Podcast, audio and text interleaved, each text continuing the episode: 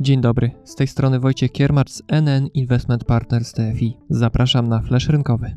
W naszych podcastach mówimy o tym, co dzieje się na rynkach finansowych i jaki to ma wpływ na inwestycje, w tym na fundusze z naszej oferty. Dlatego to jest informacja reklamowa. Szczegóły na końcu Flasha. A o czym dziś? Opowiem, co naszym zdaniem czeka rynki w najbliższych miesiącach. Czy po ubiegłorocznej beście na akcjach i obligacjach na giełdach wróci optymizm?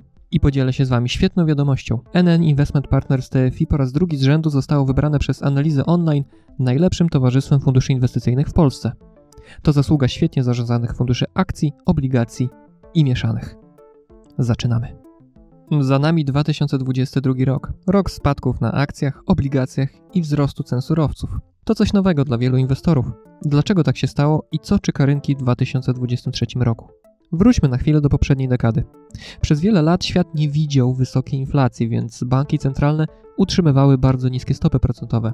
To sprzyjało gospodarce, akcjom i obligacjom. Potem, po uporaniu się z COVID-em i wybuchem wojny w Ukrainie, na całym świecie ceny praktycznie wszystkiego zaczęły rosnąć. To przez rozgrzany po pandemii popyt i coraz wyższe notowania surowców. I wtedy banki centralne na całym świecie zaczęły w końcu podnosić stopy procentowe.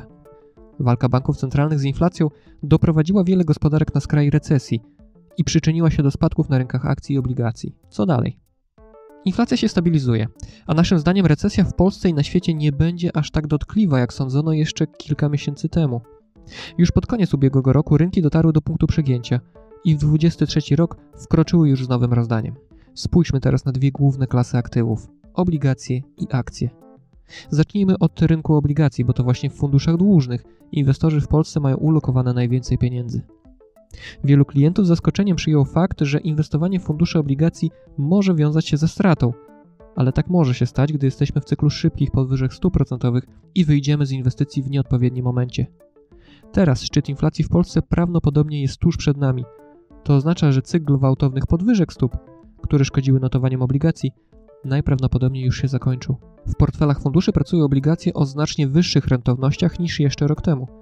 Ryzyko, że rynkowe stopy procentowe będą dalej rosnąć, wyraźnie zmalało.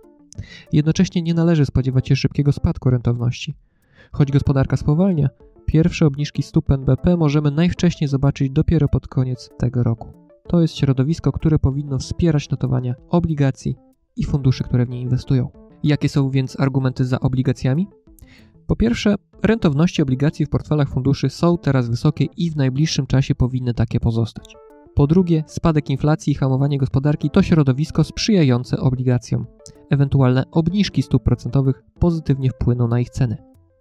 Po trzecie, w cenach obligacji uwzględnionych jest już wiele negatywnych czynników.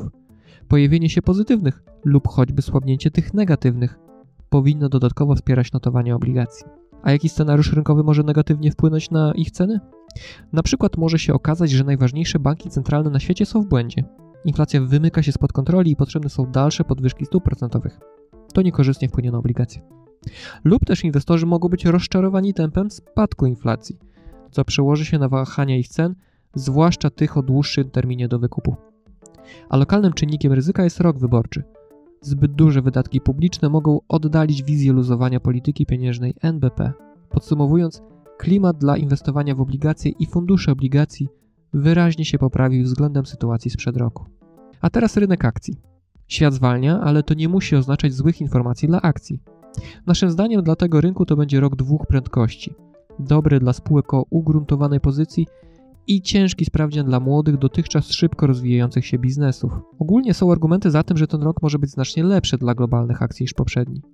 Banki centralne walczą z inflacją, która póki co zdaje się stabilizować, to dobrze dla akcji. To daje rynkom nadzieję, że bankierzy przejdą z trybu jastrzębiego na gołębi i przynajmniej przestaną mówić o podwyżkach stóp procentowych. Łagodna zima w Europie wspiera rynek akcji na tym kontynencie. Z kolei Chiny powoli wychodzą z trybu zero COVID. Również matematyka jest po stronie akcji. Po zeszłorocznych spadkach wyceny są po prostu znacznie niższe i w przypadku wielu spółek atrakcyjne. Ale z drugiej strony inflacja mogła nie powiedzieć jeszcze ostatniego słowa. Spodziewamy się, że popyt, a więc i ceny surowców pozostaną wysokie. Spodziewamy się też dalszej stymulacji fiskalnej rządów państw. Najważniejsze dla rynków finansowych rejony świata USA, Europa przez recesję mogą przejść łagodnie albo wcale jej nie doświadczyć. A wtedy inflacja, a więc i stopy procentowe mogą pozostać wysokie na dłużej, nawet przez kilka lat. To postawi spółki pod dużą presją. W takich warunkach wysokiej inflacji i spowolnienia gospodarczego po prostu trudno jest prowadzić działalność. Dlatego spodziewamy się, że dla akcji to będzie rok dwóch prędkości. Dobry na przykład dla przedsiębiorstw o ugruntowanej pozycji rynkowej, z długoterminową strategią rozwoju i znacznie trudniejszy dla tych, którzy mieli problem z generowaniem zysków nawet w czasach szybkiego wzrostu gospodarczego i umiarkowanej inflacji. Jeśli tak, to na przykład dobrze zarządzane fundusze akcji spółek dywidendowych mogą być ciekawym pomysłem inwestycyjnym. Spółki dywidendowe dzielą się z inwestorami częścią zysków już teraz, zamiast obiecywać dynamiczny rozwój w przyszłości, tak jak w przypadku spółek wzrostowych. Wypłacane przez spółki dywidendy są reinwestowane przez fundusz, co wspiera jego notowania. Jeśli do tego zarządzający uwzględniają w procesie kryteria ESG i na przykład szukają spółek z jasną wizją rozwoju, to dzięki temu można uniknąć spółek tanich, wypłacających dywidendę, ale nieperspektywicznych. Podsumowując, trudno przewidzieć moment, w którym rynki akcji wrócą do trendu wzrostowego.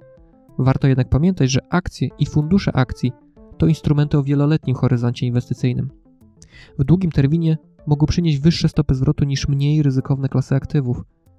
Akcje i fundusze akcji są ważnym elementem dobrze zdywersyfikowanego portfela, bez względu na warunki rynkowe. Zmieniamy temat, ale zostajemy przy funduszach. NN Investment Partners TFI ponownie zostało wybrane najlepszym towarzystwem funduszy inwestycyjnych w Polsce. Od 10 lat nagroda przyznawana jest przez niezależnych ekspertów z firmy Analizy Online towarzystwom funduszy odznaczającym się najwyższą jakością zarządzania swoimi strategiami akcji, obligacji i mieszanymi. Miło nam poinformować, że w 2022 roku NN Investment Partners TFI utrzymało pozycję lidera na polskim rynku. Ponadto nagrodę Alfa w kategorii Fundusz Zrównoważony otrzymał nasz NN Zrównoważony.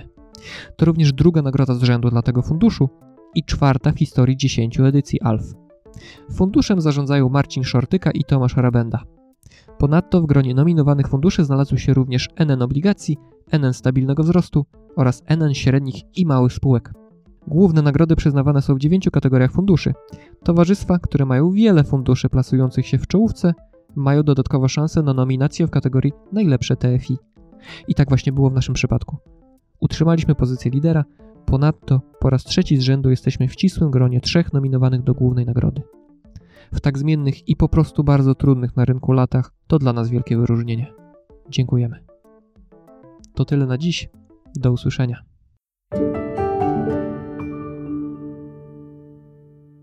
Ten podcast przygotowało NN Investment Partners Towarzystwo Funduszy Inwestycyjnych SA. Upowszechniamy go w celach informacyjnych, ale również reklamy lub promocji świadczonych przez nas usług. Posiadamy zezwolenie Komisji Nadzoru Finansowego na prowadzenie działalności. Podcasty tworzymy dokładając najwyższej staranności. Zawieramy w nich nasze opinie i oceny, które są wyrazem wiedzy popartej informacjami ze źródeł wewnętrznych lub zewnętrznych, uznanych przez nas za kompetentne i wiarygodne. Jednak nie gwarantujemy, że są one wyczerpujące i w pełni odzwierciedlają stan faktyczny, dlatego nie ponosimy żadnej odpowiedzialności za szkody powstałe w wyniku wszelkich decyzji podjętych na na podstawie wysłuchanych informacji. Nasze podcasty nie stanowią oferty, doradztwa inwestycyjnego, ani rekomendacji kupna lub sprzedaży instrumentów finansowych i nie zwalniają słuchaczy z konieczności dokonania własnej oceny. Podcasty nie mogą stanowić podstawy do podejmowania decyzji inwestycyjnych. Inwestycje w fundusze inwestycyjne zarządzane przez NN Investment Partners TFI są obarczone ryzykiem inwestycyjnym, a uczestnicy muszą liczyć się z istnieniem możliwości utraty części zainwestowanych środków. Gdy mówimy o stopach zwrotu, to odnosimy się do wyników historycznych jednostki uczestnictwa kategorii A funduszy inwestycyjnych. Nie gwarantujemy osiągnięcia celów inwestycyjnych funduszy ani uzyskania podobnych wyników w przyszłości. Indywidualna stopa zwrotu z inwestycji nie jest tożsama z wynikiem inwestycyjnym funduszu, bo może mieć na nią wpływ wysokość pobranych opłat manipulacyjnych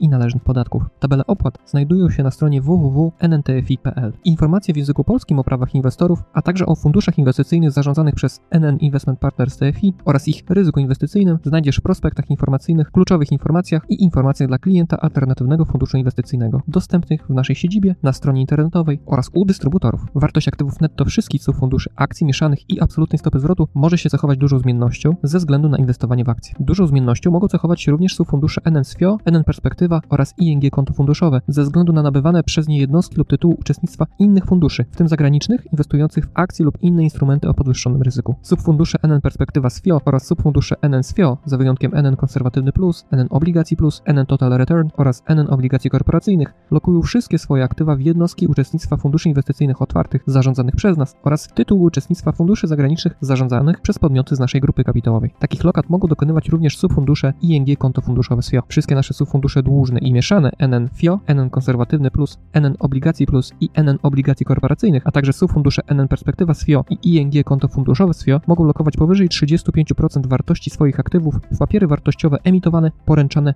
lub gwarantowane przez Skarb Państwa. NN Total Return z NN SFIO stosuje zasady i ograniczenia inwestycyjne określone dla funduszu inwestycyjnego zamkniętego.